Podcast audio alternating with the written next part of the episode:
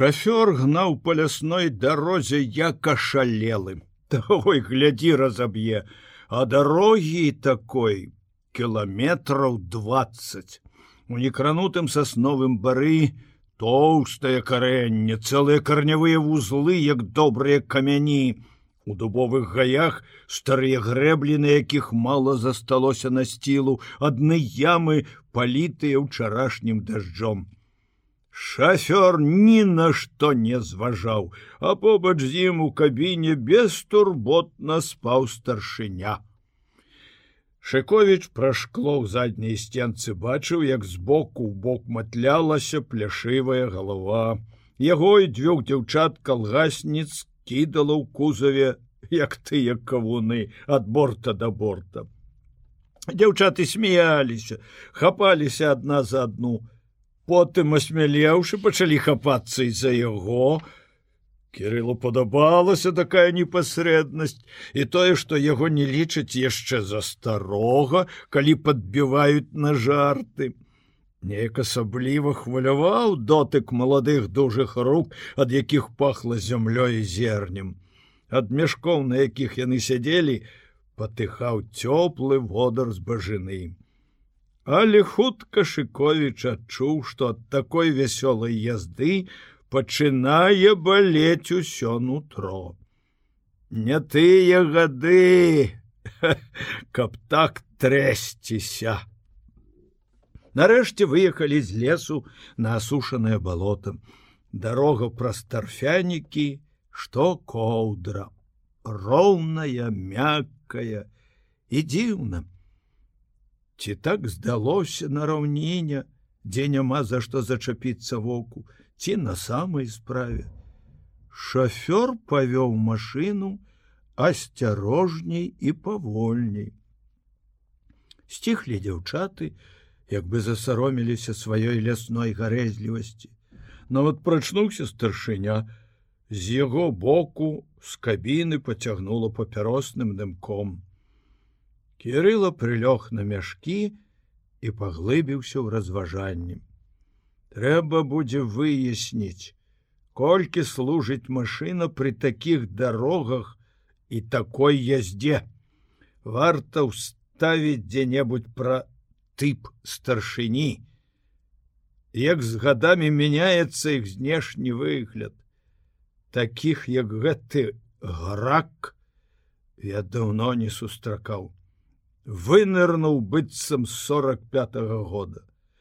Немалады год под 50 старшыня больш за ўсё нагадваў калгасных кіраўнікоў таго, далёкага пасляваеннага часу, непаголены ў зашмальцаванай даўно відаць нямытай гімнасцёрцы з чорнага грубаватага сукна у старамодным дыяганалевым галіфе, у пажоўклых ботах і галоўнае з кірзавай палявой сумкай, невядома чым туга напакаванай.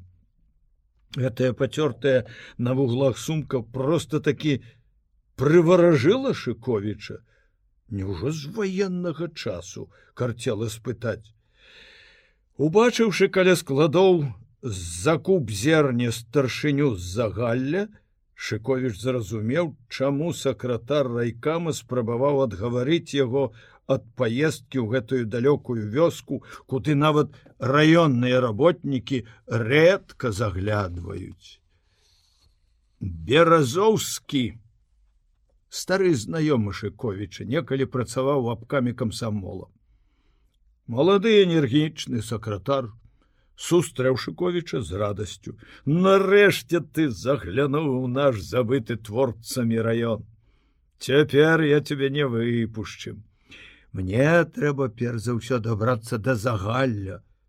Сакратар насцярожыўся. Чаму адразу ў загалля ды так кажуць цікавая вёска ухіліўся ад тлумачэння шыковіч. Вёска за сямю лясамі дзевяццю балотамі этнаграфічны куток. Гэтым і цікава лес скажу табе шчыра калгас там не самы лепшы а мне і трэба не самы лепшы значыцца маеш намер пісаць разгром. А ты боишься.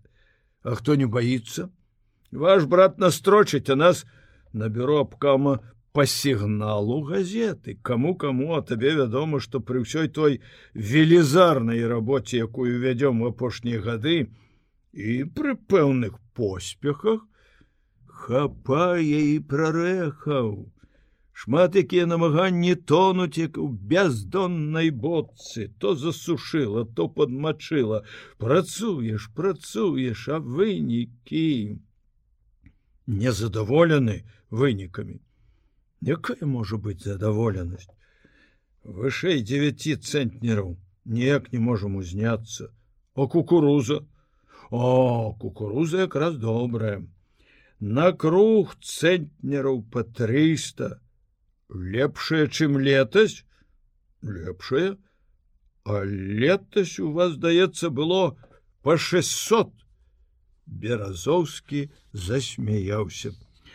Гэта твой друг романаў у кабінеце на паперы вырошчваў пагэтулькі ты у яго быў трэці маеш вопыт.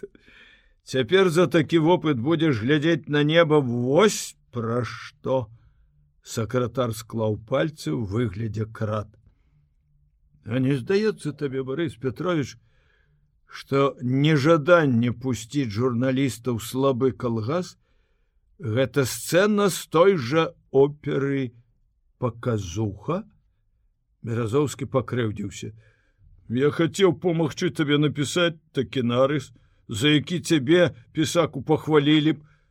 А ты? Он як вытлумачыў ну ты каціся ты ў сваё загалле. А як туды дакаціцца добра не будем крыўдзіцца адзін на аднаго то яшчэ пасварымся. Пачакай гадзіны дзве я правяду нараду дырэктараў школы і пасля завязу тебе сам але блукаючы па райцэнтры шыковіч падышоў да склада дзе стаяла чарга машынца з бажыной і натрапіў канторы на загальскага старшыню Грак калішыкович звярнуўся да яго акінуў падазроным позіркам спытаў коротко. Хто лектор шыкович не хлусіў кожны раз выязджаючы ў раён ён браў у абкаме партыі лекторскую путёўку часцей за ўсё рабіў даклады пра літаратуру але цяпер яму хацелася расказаць сялянам аб праекце праграмы пачуць іх думкі. Лектор рэч патрэбная, паблажліва дазволіў пад'ехаць супакоены старшыня. Але пераканаўшыся, што едзе ў калгас птушка невялічкая, ніякі не рэвізор, ён тут жа страціў сялякую цікавасць да гэтай рэчы патрэбнай. Шыковіча такое вызначэнне лектара спачатку абурыла, а пасля рассмяшыла. Прыгадаўшы ў машыне, што ён рэч патрэбная, не стрымаўся, усміхнуўся, пакруціў галавой. Дзяўчаты глядзелі на яго як на дзівака. Зноў лес, зноў балота неасушанае з дзедаўскімі грэблямі. І вось яно загалля. Вялікае сяло ў падкове, дубовых гаёў. Не вызначаюцца яшчэ асаблівай навізной нашай вёскі. Пра гэта многа гаварылі і пісалі, пісаў Ішыкович. Але амаль усюды, дзе ён не ездзіў, то бачыў побач са старымі хатамі, новыя збудаванні, ці то туповая школа, бальніца, клуб, ці новыя дамы светлыя прасторныя хоць і не тыповыя кожны будаваў па ўласнаму праекту шмат дзе цагляныя под гонтай і шыферам і бадай што ва ўсіх калгасах новыя гаспадарчыя пабудовы. Кароўнікі свінарнікі над якімі ўзвышаюцца воданапорныя вежы ветраныя рухавікі все гэта надае вёскам новы выгляд. Нічога новага у загаллі не было. Сяло ў вайну не гарэла, і ўсё тут было старое. Хаты, ой, бадай што дарэвалюцыйныя, прыплюснутыя з нізкімі маленькімі акенцамі, з замшэлымі стрэхамі.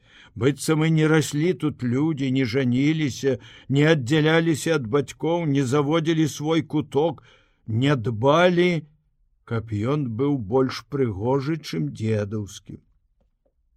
Калгасныя патрэбы, відаць, задавальнялі тыя хлявы і свірны, якія злеплены былі пасля калектывізацыі забагуленых гумнаў. На доўгай травяністай вуліцы гуляла много малых, пасвіліся шматлікія чароды гусей. Відаць, праз гэта шафёр вёў машыну з асцярожнасцю вучням. Куды знік той ліхач, які ляцеў па лясной дарозе з хуткасцю ветру больш чым выгляд хат шыковіча ўразілі андаракі на старых жанчынах даўно ўжо ён не бачыў андаракаў сапраўды этнаграфічны куток кирилла чамусьці падумаў пра адзенне старшыні і яго пацёртую кірзавую сумку андаракі хоць прыгожыя квяцістыя трэба купіць адзін для экзотыкі. Машына спынілася насупраць дома, які стаяў у глубіні старога і пэўна здзічэлага саду. Пладоў на яблынях і грушах не было. У суседніх сялянскіх садках чырванабокія яблыкі былі відны здалёк. Старшыня выскачыў з кабіны і нічога не сказаў шышыковічу, не запрасіўшы нават управлення, хутка пайшоў па сцежцы дадому памахваючы сваёй сумкай калі машина адышла шыковіш застаўся адзін на вуліцы я нават не паспеў спытаць у дзяўчат якія таксама выскачылі з кузова што ж там у садзе кватэра старшыні ці калгасная канцелярыя Ён толькі беспамылкова вызначыў, што гэта былы папоўскі дом. На другім баку вуліцы ці хутчэй цэнтральнай плошчы, тут перакрыжоўваліся вуліцы, узвышалася былая царква. Шыковічу хацелася адгадаць, што ў гэтай недарэчнай будыніне клуб ці склад. Ды раптам з'явіўся грак без сумкі з прыветлівай усмешкай на ўвесь шырокі загарэлы твар товарищ шыкович Кірыл адразу здагадаўся, што адбылося. Пакуль яны ехалі, пазваніў беразоўскі, усміхнуўся в адказ. Кирилла Васильевич. Всё было высветлена. Як жа можна так ай-яй-яй-яй-яй-яй! Старшыня дакорліва ківаў галавой, цмокаў языком, быццам дакараў малога. Я разумею, ваш брат інжынер наших душ, хоча глянуць на людзей так, каб яны не ведалі, хто на іх глядзіць, а Але мне, мне вы павінны былі сказаць, коли трэба, я не гугу. Ды не, я хавацца не думаю. Даклад буду рабіць.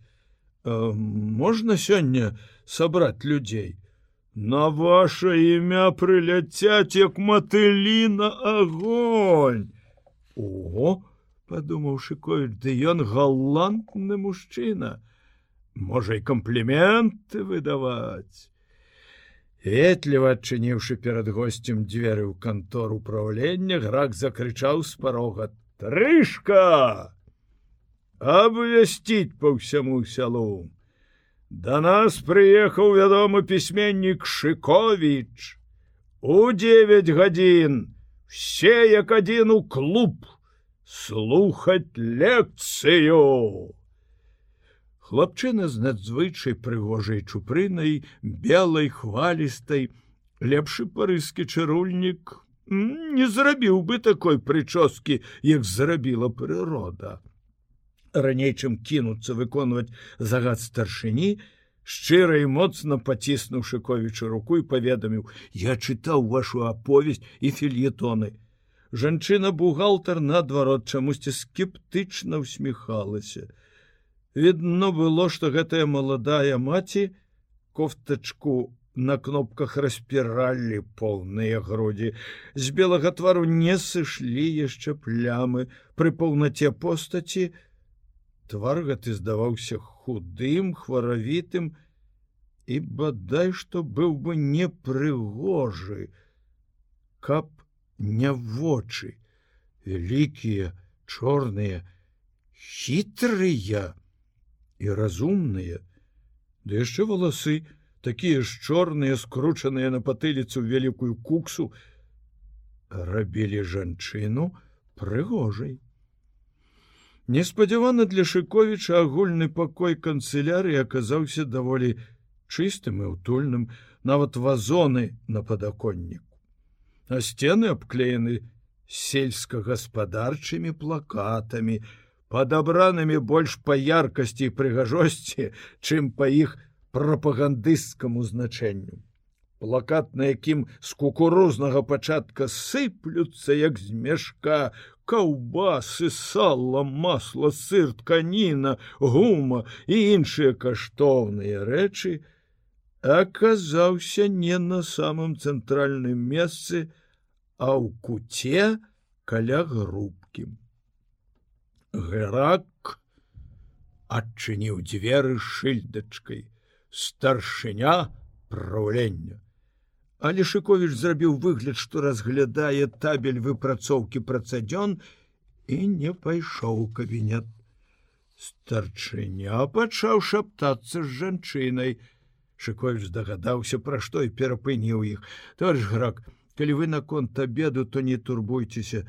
Тры гадзіны назад я обедаў раённай чайной за вячэру буду удзячным.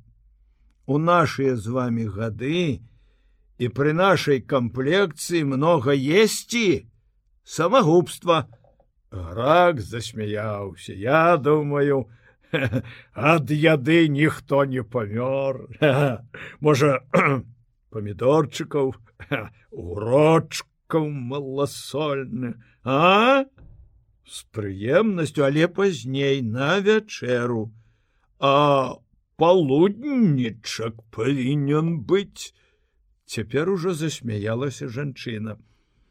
Энергія траціцца ад усялякай работы. Глыбакадумна зазначыў старшыняк, каб апраўдаць сваё жаданне паабедаць. У мяне, ведаеце, акрамя даклада, яшчэ адна справа ёсць. Скажыце, сухадол Клаўдзя Сідаровна, жывая, здаровая, баптыстка гэта я яна сто гадоў пражыве кінуў амаль злосна грак. Баптыстка? Здзівіўся шыковіч. Ды не баптыстка яна запярэчыла бухгалтер ну не ведаю якому яна ідалу там кланяецца але што шаманка то шаманка. Больш хітрая чым тыя якіх я бачыў у якутаў. Адным словом дармаедка. Абвясціла сябе знахаркай варажбіткай. Ды не варожыць яна травамі лечыць. Ты кацярына не абараняй ты сама туды ж. Сорам культурная сіла кінуў ён жанчыне з дакором а што? Яна вылечыла мяне. Вылечыла. Лекарка профессор дурнота ваша бабская ёй кішэню набівае. Хочаце напісаць пра е товарищкович ого дайте добранькі фельетон. Я вам фактикаў подсыплю можа прокуратура тады дацягнецца а то я колькі разоў казаў нашаму прокурору да ён усё руками разводіць няма подстаў трэба блюсці законнасць я і праўда крыллі падрэзаў сядзібку па самыя вуглы ад шахаў Але не такое выяўляў кірыла гэтую жанчыну, калі пасля доўгіх пошукаў з дапамогай яраша даведаўся нарэшце, куды знікла з горада былая сястра інфекцыйнай бальніцы клаўдзя сухадол. Медсястра і раптам знахарка сектантка нейкая, ліха ведае что такое разважаў ён незадаволены ужо трохі расчараваны ідучы па доўгай вуліцы ў край сяла. Прыгадваў як адразу варожа насцярожылася бухгалтар калі пачыло што ён хоча пісаць пра клаўдзю. Что пісаць? Тлумачыць не стаў бо раптам страціў веру што ввогуле прыйдзецца нешта пісаць. У выніку размовы з гэтай жанчынай знайсці яе хаціну было лёгка. Па-першае яна стаяла трэцяй з краю каля самага лесу а по-другое адзіная такая ў сяле. Маленькая мазанка пабеленая на украінскі лад. Высокі лазовы пляцень якім з усіх бакоў быў абгароджаны цесны дворык здаўся шыковічу крапасной сцяной, за якой нехта як бы хацеў схавацца ад людзей свету. Дзе ў суседзяў былі садкі агароды, тут адразу за плятнём шапацела на дзіва высокая кукуруза. Каралева палёў, дзіця сонечнай Украіны як бы цягнулася да мазанкі. Спалучэнне натуральнае, нават прыгожае, але шыковічу вспомніліся словы грака. Я ёй крыллі падрэзаў і ён упершыню падумаў аб крыўдзе якую напэўна мае жанчына на мясцовую ўладу і вельмі можа быць нават на гэтую цудоўную кукурузу. Адвесніц паўз хату ішла вузенька і чыстенькая пасыпаная жоўтым пясочкам сцежачка Вся астатняя плошча дворыка была разбіта на малюсенькія акуратныя градкі, засаджаныя гароднінай і кветкамі. Безумоўна, не хадзіла па гэтым двары ні карова, ні каза, нават слядоў курэй не было відно, хоць невялічкі хляўчук, таксама абмазаны пабелены туліўся ў кутку за хатай. Шыкоіча разгледзеў усё гэта, пакуль прасадзіўшы руку ў шчыліну шукаў адмысловую зачынялку, каб адчыніць весніцы. Ды так і не знайшоў, хоць дасканала ведаў усе старажытныя канструкцыі сялянскіх замкоў, круцёлак, засовак, зашчэпак. І тут з'явілася сама гаспадыня. Яна, нахіліўшыся, выйшла з дзвярэй шырокімі крокамі падышла да агароджы, цераз пляцень глянула, хто там, адчыніла весніцы, але загарадзіла сцежку сваёй постаццю, акідваючы непрошанага гостя дапытлівым позіркам: что ты за птушка? Шыкоіча адразу уразіў яе выгляд. Жанчына была на добрую галаву вышэйшая за яго і значна старэйшая чым яму уяўлялася зусім сівая ўжо по-мужчынску кастлявая крыху ўжо сутуленая, але відаць даволі дужая яшчэ яна стаяла з пучком сухой травы у руцэ як вартавы са зброяй. Глядзела так, што шыковічу здалося вось-вось цябане яго гэтым венікам па твары. Я адчуваў, што не вытрымае яе позірку і паспяшаўся загаварыць першы клаўдзя сідаруна что вам спытала яна я хацеў пагутарыць пра што хто вы? Я растлумачу. Я з рэдакцыі опытны журналіст ён можа упершыню адчуў сябе неякавата знаёмячыся з чалавекам. У старой гнеўна бліснули вочы что вам трэба ад мяне? Я не займаюся знахарствам. Няхай не брэшуць я збіраю травы раю іх людям няма такога закону каб забараніць мне няма. Яна круто павярнулася і пайшла ў хату. Шыковіч зусім разгубіўся. Чорт мяне пацягнуў за язык сказаць што я з рэдакцыі. Калі яна зачыніцца і больш не выйдзе тады хоць крычы под акном што мне трэба ад яе а з-за плятня ўжо зыркалі цікаўныя вочы суседкі ляпнула акно за спіною хаця на другім баку вуліцы яго бралі под скрыжаваны абстрэл Мабыць, другіх сваіх наведвальнікаў сухадоліха сустракала інакш. Але паколькі весніцы засталіся адчыненыя, Кірыла рашуча ступіў у двор і спыніўся перад акном. Няхай бачыць, што ён не адыдзе, пакуль не пагутарыць. Ды жанчына праз хвіліну выйшла. У выцягнутых перад сабой доўгіх руках яна несла тоўстую кніжку ў палатнянай вокладцы. Няўжо біблія, амаль са страхам падумаў кірыла, не хапала клопату. Чаго ён не ўмеў, Ды гэта весці антырэлігійную прапаганду сярод веруючых.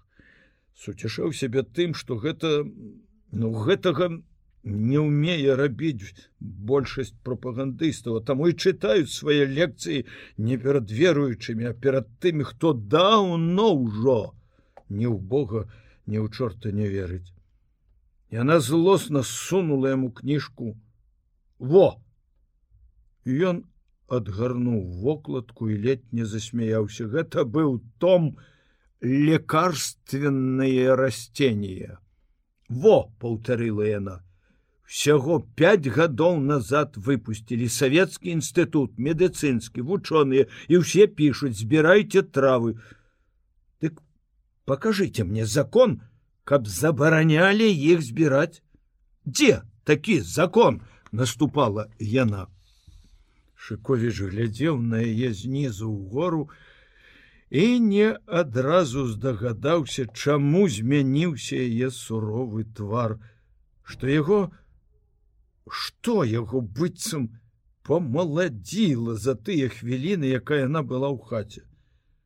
Ага, жанчына паспела павязаць белую хусціну і павязала своеасабліва, не так, як тутэйшыя сялянкі хаткай, а так, як павязваюць касынкі сёстры санітаркі у бальніцах.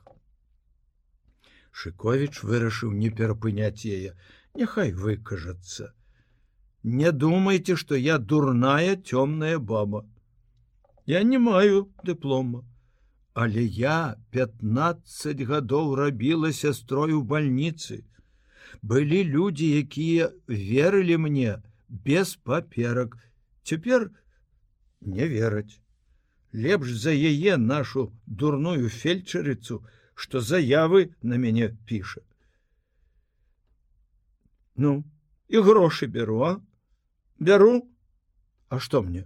Паміраць гародчык і то я брэзалі клаўдзе сідаровна перапыніў ешыкович я прыехаў да вас зусім по іншай справе яна змоўкла не разумеючы я хацеў спытаць у вас пра савіча доктора савіча степана андреевича як яна адразу змянілася? Отступила на крок. Нібы спалохалася. Сцялася неяк уся ажно ростам паменшыла. Аднак твар асвяціўся нейкім унутраным агнём Адны маршчыны разгладзіліся, другія сталі глыбей. Але сказала яна яшчэ даволі сурова: Савіч 18 гадоў у зямлі, навошта ён вам? Я хочу напісаць пра яго і пра вас, што пра нас пісаць, што? Я хотел бы написать, что Савич был советским человеком. і тады калі служыў у немцу але для гэтага мне патрэбны доказы факты сведкі яна зірнула на суседскі подворак і раптам запрасіла ветліва ціха хадземце у хату. З дзвярэй патыхнула не кіслым і цвілым як амаль з усіх сялянскіх сенцаў а ліпеньскім вячэрнім лугам густым водарам сухіх траў. У хаце таксама пахла травамі але неяк зусім інакш ні сцяблін ні пацярухі насення нідзе не было відно хіба толькі ў тых мяшочках што віселі на жардацы над печчу ды ў тых пляшках і шклянках што стаялі ў куце под лавай. А так усюды чысціня старанна пабелены сцены і нізкая столь да жаўцізны адмыта подлога засланы квяцістай даматканай посцілкай драўляны ложак на стале под настольнікам круглая паляніца хлеба абразы ў куце два невялічкі упрыгожаныя вышываным ручніком самаробная рамка на сцяне у якой пад шклом некалькі фатаграфій Гаспадыня выцерла пярэднікам і без таго чысты ўслончык падсунула яго да стола без слоў запрашаючы госця сесці. Сама стала пасярод хаты сашчапіўшы руки на грудях спытала ўсё яшчэ с тайнай падазронасцю. Дык вы з рэдакцыі? Не верыце усміхнуўся кирилла і дастаў з кішэні пасведчаннем калі ласка маё прозвішча шыковіч ён пашкадаваў што не захапіў кніжкі але жанчына не кранулася з месца каб паглядзець дакументы яму нават стала неяк неёмка. Ён паклаў пасведчанне на стол. А что вы ведаеце пра савіча? Шмат чаго але пакуль што рознае Па некаторых дакументах савіч вораг, а людзі кажуць, што да апошняй хвіліны свайго жыцця ён змагаўся з фашыстамі. Хто кажа, хто ведаў яго? У тым ліку дачка, Зося? Вся ўстрапянулася жанчына, хіснуўшыся наперад, і ў голасе чуліся здзіўлення, недавер, радость зося. Зоська живая. А те яна у городе. Шыкович не стаў адразу тлумачыць что дачка савіча яшчэ ў больніцы пасля цяжкай аперацыі зося живая. Божачка мой.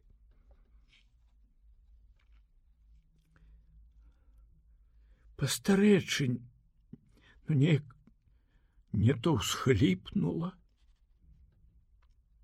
не то засмяялася клаўдзя сідаровна і зарабіла круг па хаце як бы нечага шукаючы дакранулася рукой да печы поправіла занавесачку на акне потым раптам села з другога боку стола подперла далоней шчаку і пільна угледзелася у шыковіча. Сабраліся безумоўна пазней 9 шыковіч не здзіўляўся. Летні дзень пакуль людзі вярнуліся з поля памыліся павячэралі жанчыны падаілі кароў паклалі дзяцей але гадзіне а десятой калі добра ўжо сцямнела прасторная зала клуба былой царквы была паўнюткая не праціснуцца перад самай сцэнай на подлозе размясціліся хлопцы подлеткі дзяцей не пускалі на пярэдніх лаўках пажилыя калгаснікі і вясковая інтэлігенцыя. Далей все тыя без падзелу на ўзрост і становішча. Ну, хто прыйшоў раней захапіў месца. А з бакоў і ззаду стаялі жанчыны, дзяўчаты і тыя хлопцы, якім няёмка ўжо было садіцца на падлогу. Больше стаяла.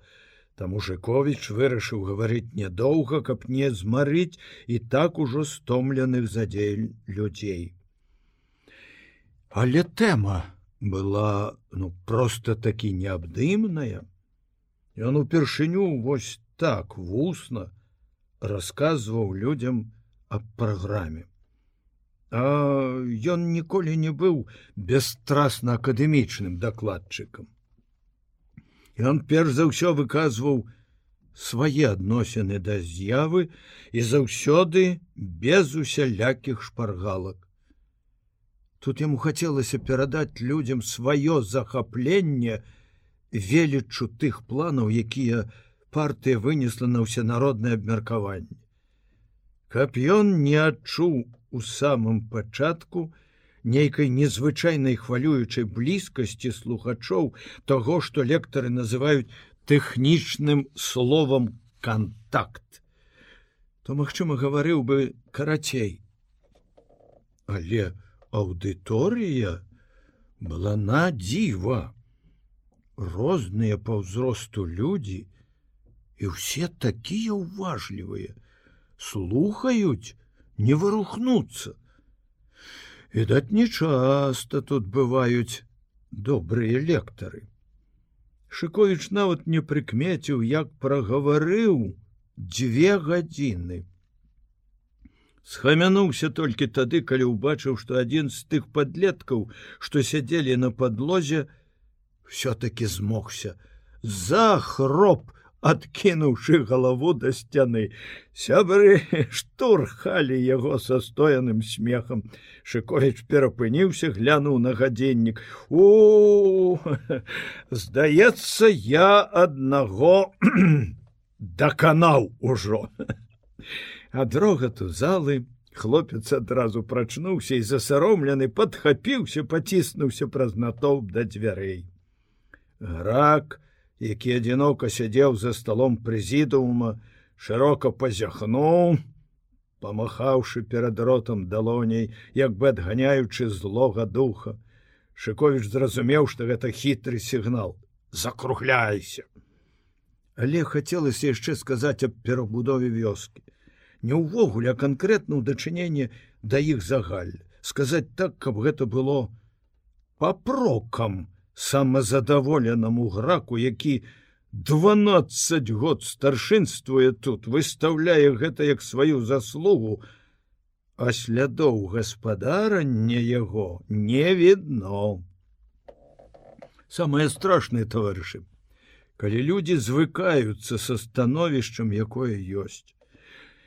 Гэта называется кансерватызмом, застоем. Ёсць хата, клуб, свіран, і добра.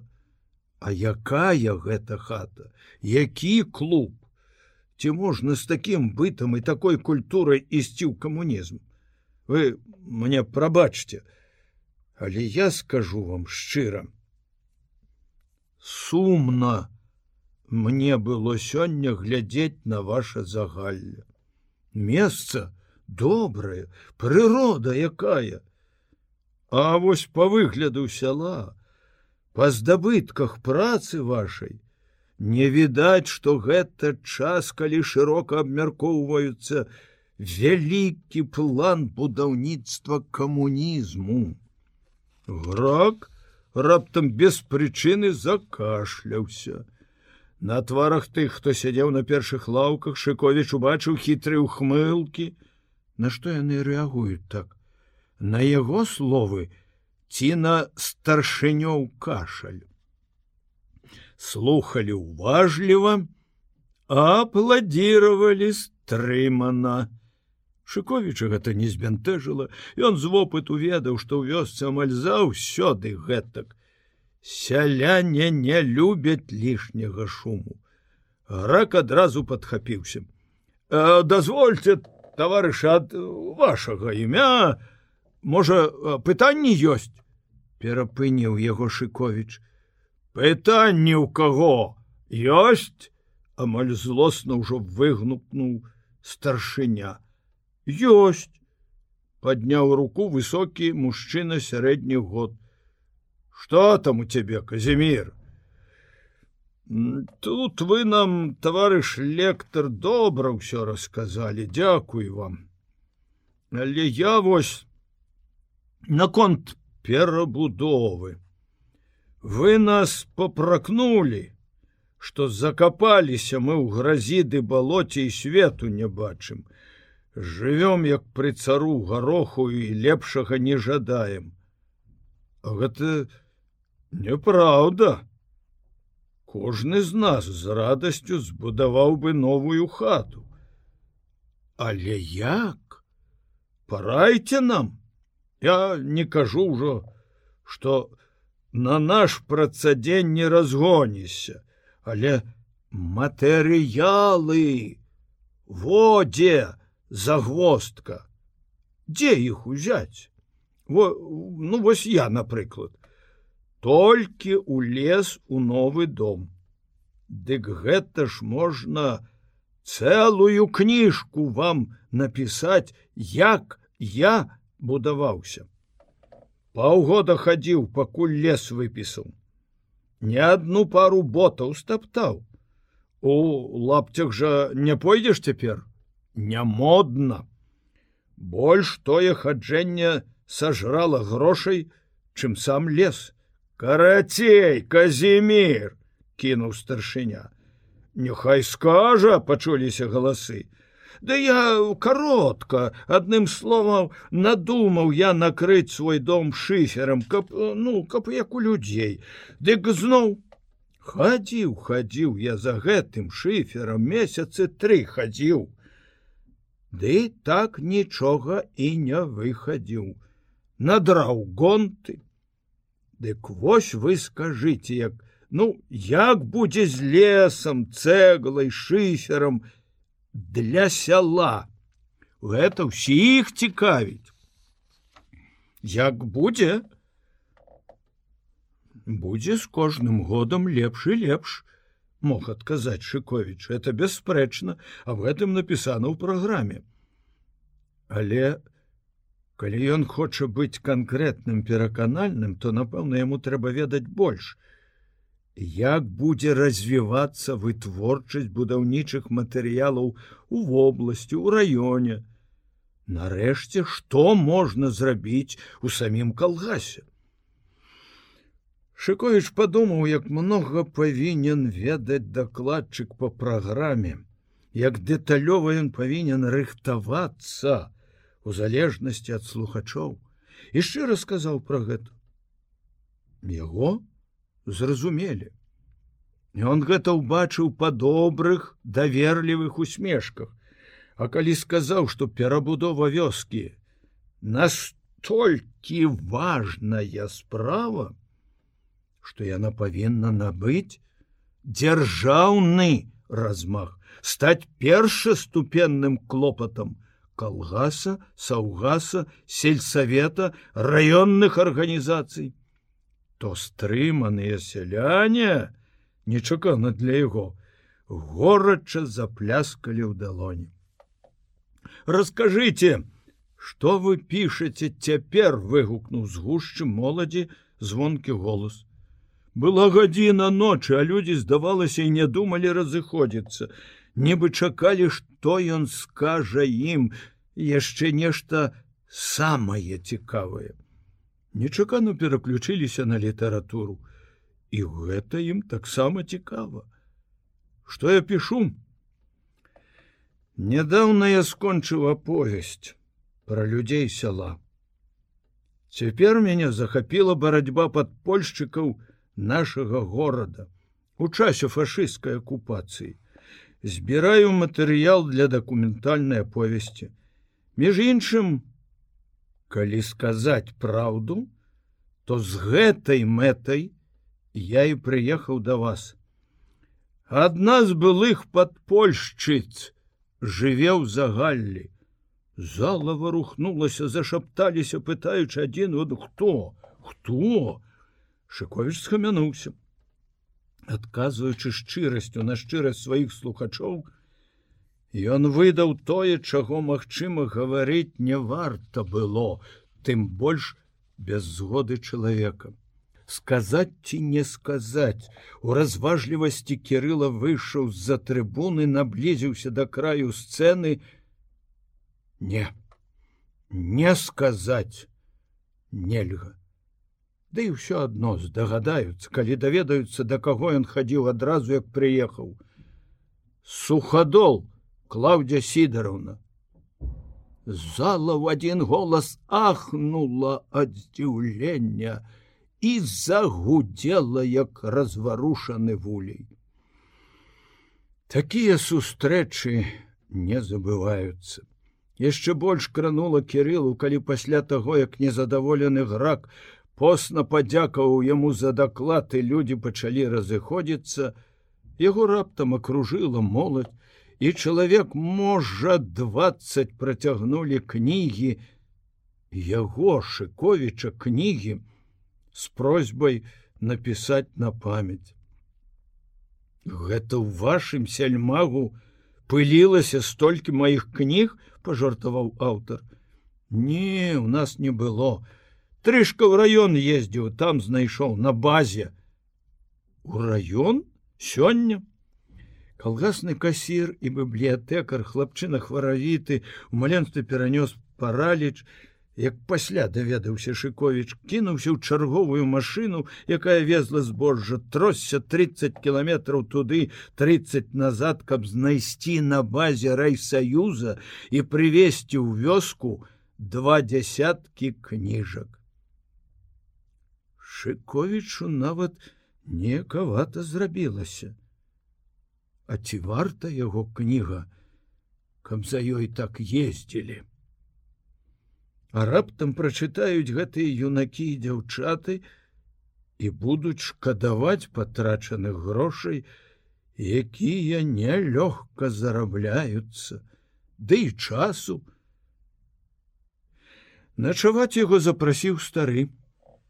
Ішлі па начной вуліцы, маўчалі, Кірыла падумаў, што стары, мабыць, выконвае павіннасць даручаную яму старшынёй і не вельмі задаволены начлежнікам. Але прыйшлося яшчэ раз дзівіцца, калі хату ім прыветліва адчыніла тая самая бухгалтарка, што так непрыязна глянула, калі ён сказаў, што хоча пісаць пра сухадол. На стале стаяла позняя вячэра і пляшка вішнёвай настойкі. Перад дакладам ён так і не паспеў павячэраць, прасядзеў у клаўдзе сідароўны. Хведара няма, спытала жанчына. Пакрыўдзіўся твой хведар. Далі яму перцу, ажно чмыхнуў, засмяяўся стары. Шыковіч зразумеў, што размова ішла пра старшыню. Гаспадар хаты, нізкі ростам хударлявы з паголенай барадой, але пышнымі рудаватымі вусамі. Вусы гэтыя, аднак, не старылі, а наадварот маладзілі яго. Цяжка было сказаць, колькі яму год. Сядайце, Кирилла Васильевич запросила гаспадыня. Прабачце, але мы нават не пазнаёміліся там, як мае быць, збянтэжыўся Шковіч. Кацярына маё імя, гэта мой бацька Халімон Дем'янович. Стары не трацячы часу разліваў настойку у чаркі, а кацярына палівала госцю на руки, але за перагародкай заплакала дзіця, і яна ўміг забылася на ўсе свае абавязкі гаспадыні. Сядай, ма таварышок, яе не дачакаешся. Халямон Дзям'янович быццам спяшаўся без дачкі выпіць, перакуліў чарку і загаварыў сцішаным голасам. Это моя малодшая кацярына. Два сыны, Павел і Дзям'ян з вайны не вярнуліся. Дужа гаравала старая, все чакала Дзям'яна, не верыла, значыцца. Тут адзін у нас, адкол можа пяць як з'явіўся там у іх быў. Старая царства ёй нябесная тры гадкі як праставілася. Яшчэ сын ёсць иван дык э, той пасля арміі у донбас паехаў не хочуць таварышок у калгасе о бяда я тут сваруся з которыми. Хто хлеб будзе вырошчваць чортавы дзеці а? А не вы закусвайце закус памідорчыкі гурочки свае о! На этая мастер. Яшчэ ў пана пячэгі гароднікам служыў колькі ж вам год зацікаюся шыкович Стары задаволена засмяяўся, зноў наліў чаркі. Адгадайце. ты так 60, можа, з маленькім хвосцікам. Стары зморшчыўся так быццам хацеў пырснуць вясёлым і гучным смехам, ды стрымліваў сябе. А хвосцік ентым 12 гадкоў. 72 шчыра здзівіўся гость аж пражыў таварышок дзякуй Богу сяго на свеце пабачыў і пачуў. Першым калгаснікам быў. О сказаў ён сур'ёзна з гонаром а цяпер хведар кажа учора это мы з ім за чубкі шчапіліся. Цябе кажа халімон трэба пасадзіць за такія словы. Каб ета ў тридцать сёмым ты сказаў а что я сказаў не пабудуем кажу яму хведар мы з табой камунізму а як ён сказаў что пасадзіць не что ён сказаў что пасадзіць мяне трэба да я яму і кажу навучыся кажу ты лепш памідоры ды блуракі садзіць а не людзей стары хихікнуў задаволены мабыць сваім адказам з бакоўкі выйшла кацярына что гэта вы тут гародзіце тата? А что? Хіба ж няправду кажу узлаваўся раптам бацька цішэй паўліка разбудзеце жанчына прысела каля стола спытала. Что ж гэта вы не выпіваеце кирилла васильевич шыкович подняў чарку. За вас і вашага сына она ўзяла і наліла сабе колькі кропель настойкі а я за лёню вып'ю за мужа каб усё добра было Ён паехаў інстытут здаваць на завочнае. Гэта ён бухгалтарам у нашым калгасе а я замяшчаю Яна як ведала што шыковічу з самага пачатку карцела спытаць дзе бацька малога да ён ну не адважваўся каб не апынуцца у неёмкім становішчы Вселякія акалічнасці бываюць.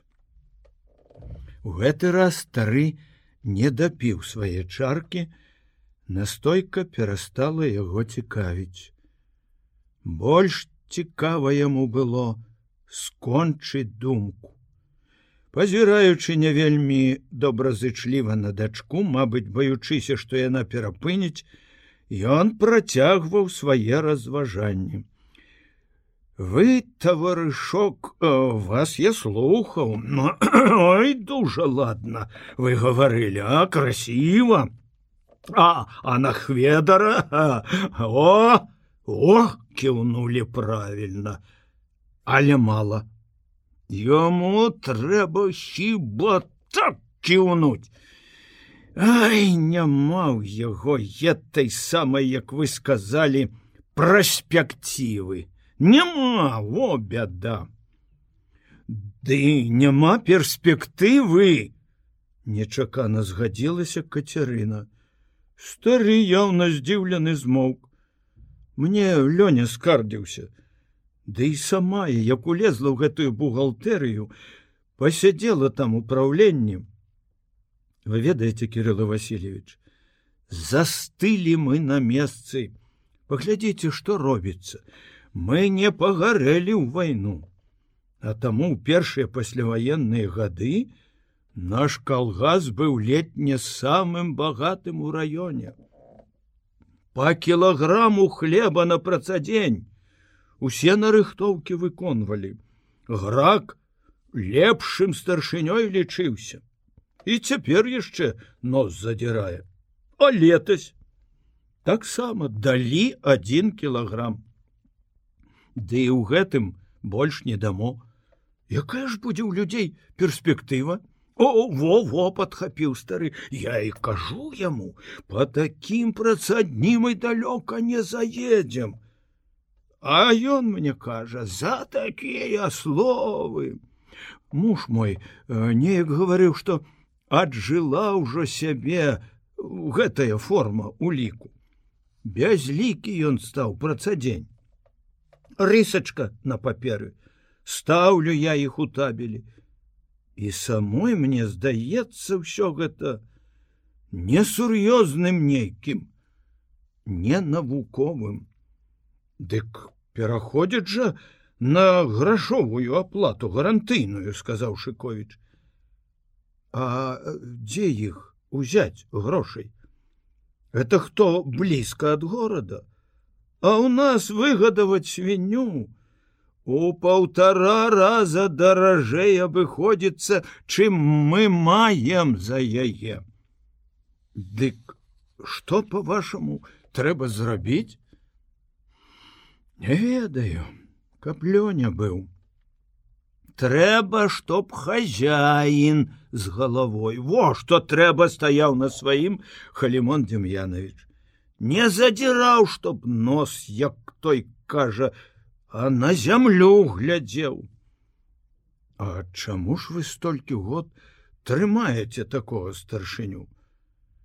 Кацярына дзіўна глянула на госці і нічого не адказала. а паклала яму з глінянай міскі свежых гуркоў са смятанай еш маўляў наіўны чалавек.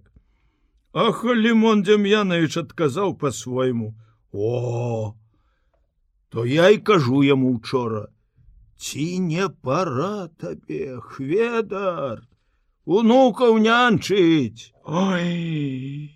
Як ён чмыхнуў ты побачыў бы. Стары зноў смешна зморшчыўся заплюшчыў вочы пакруціў галавой як бы выпазласкваючы смехам рот. Лежачы пасля на сенавале слухаючы як унізе цяжка вздыхае карова шыковіч доўга думаў і пра гэтую начную размову і пра расказ клаўдзі і пра энтузіязм моладзі і пра самаўпэўненасць старшыні. Як усё пераплялося старое і новае вялікае і малое гераічнае і буднічнае коснае і перадавое Што ж галоўнае для яго? Услаўляць ці выкрываць, пісаць пра мінулае ці пра заўтрашні дзень. У галаве складаўся план артыкула пра савіча. І тут жа побач аб гэтым калгасе, аб яго перспектывах, аб людзях, з якімі сустрэўся за адзін толькі дзень.